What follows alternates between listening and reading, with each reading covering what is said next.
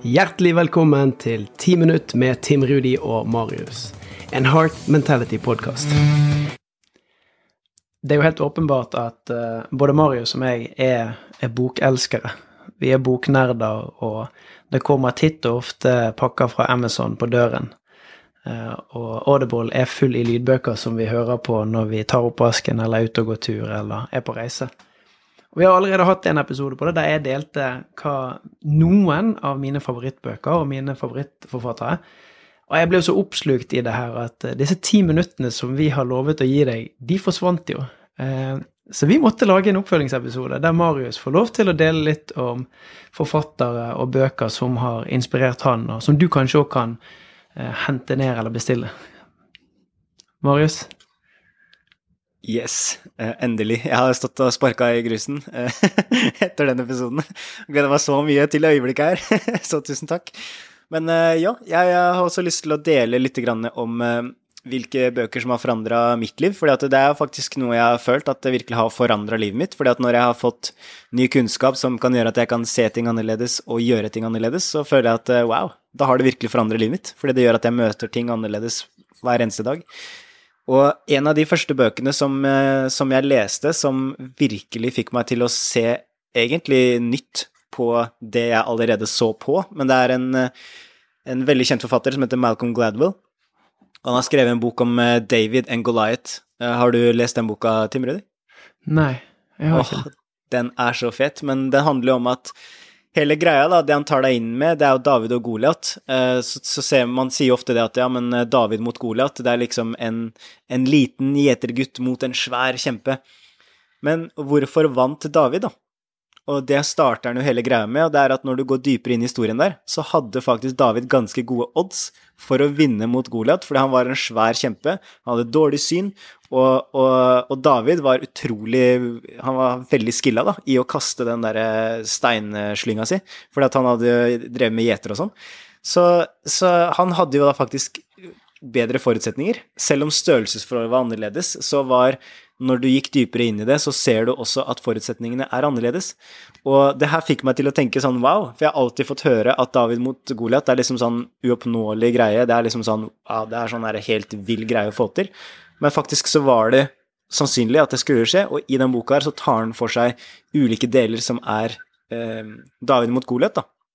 Et eksempel er for eksempel han, eh, han skriver om ledere og en ting som veldig ofte kjennetegner ledere, det er at de har hatt uh, dysleksi på, på skolen, f.eks.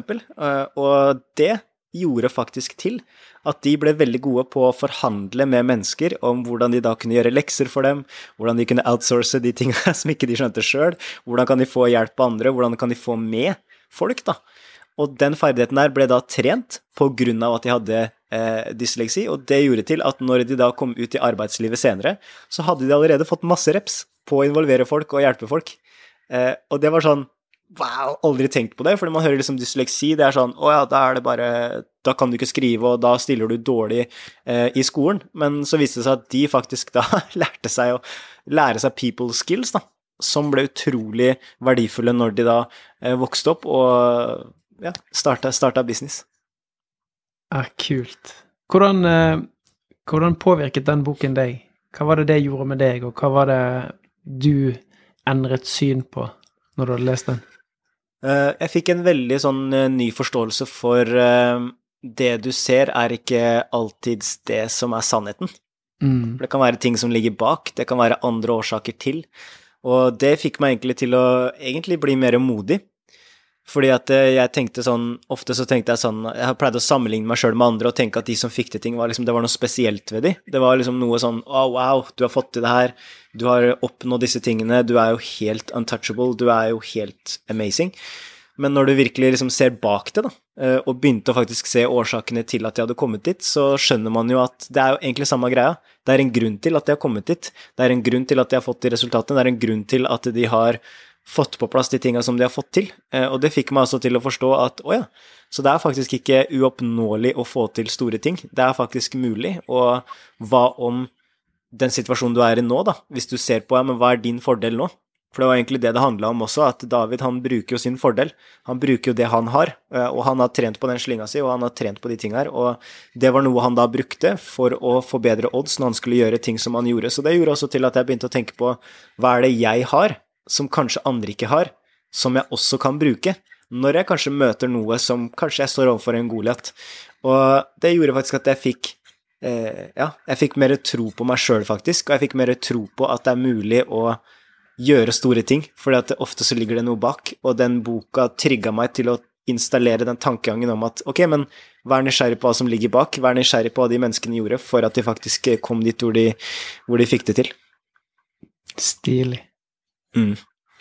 Så, så, det var sånn eh, Jeg husker jeg bare jeg husker, jeg husker jeg hadde så vondt i hodet mitt, for det var så mange nye måter å se ting på. Jeg husker at jeg hadde en veldig sånn jeg hadde en sånn veldig sånn tankegang, veldig sånn låst tankegang, da, at enten så er det sånn, eller så er det sånn, enten så er du født god, eller så er du ikke født god, og så mm. husker jeg jo at bøker var jo det som fikk hjernen min til å strekke seg skikkelig, og det er jo et sitat som heter at en hjerne som blir strekt av nye erfaringer, kan aldri gå tilbake igjen til sine gamle dimensjoner. Så jeg følte liksom at jeg holdt hjernen min fresh, da, og jeg holdt liksom hjernen min sharp ved å tilegne meg ny kunnskap og se ting fra flere forskjellige perspektiver. Da. Mm. Og det er jo en av de tingene som er i oppskriften på hvordan leve et godt liv. Det er jo å lære nye ting. Og, og bøker er jo en kilde til å, å skape den innsikten. Ja, er det flere klart. bøker som har, eh, som har, formet deg opp igjennom?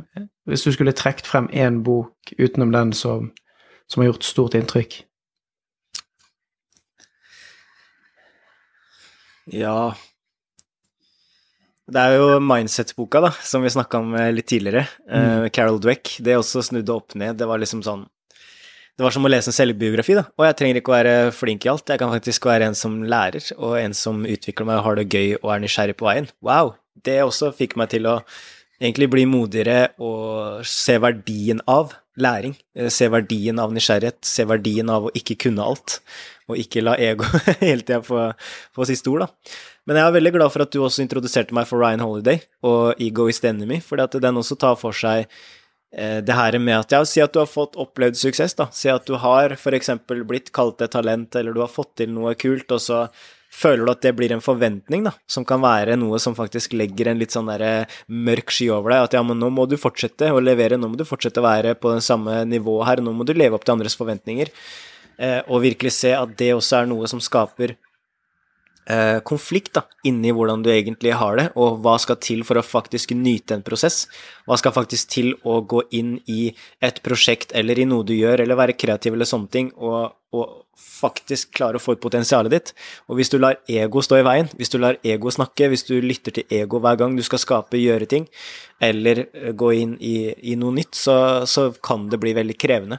Så, så, Ryan Holiday sine bøker, som du nevnte, det har vært en utrolig game changer for meg, det også. Og det er det som er så kult også, da, å ha andre venner som er glad i bøker. Det er at du kan bli introdusert for uh, ganske mange gode ting. Og jeg skal jo blant annet lese Adam Grant sin bok, basert på dine anbefalinger. Uh, du er jo helt rå på, på, bøker, så når du kommer med anbefaling, til Tim Rudi, så da spisser jeg øra, for da vet jeg at det er, det er good shit.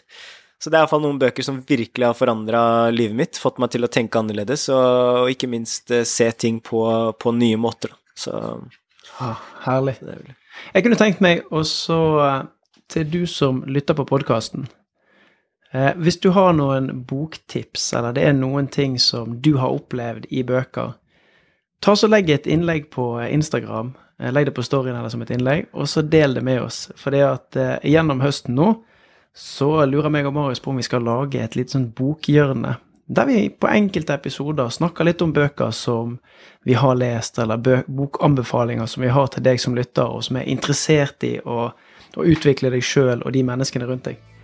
Eh, så gjør det. Del gjerne. Vi elsker å få boktips. Og hyll, der står det alltid flere bøker enn det vi klarer å lese, men det er bare helt nydelig.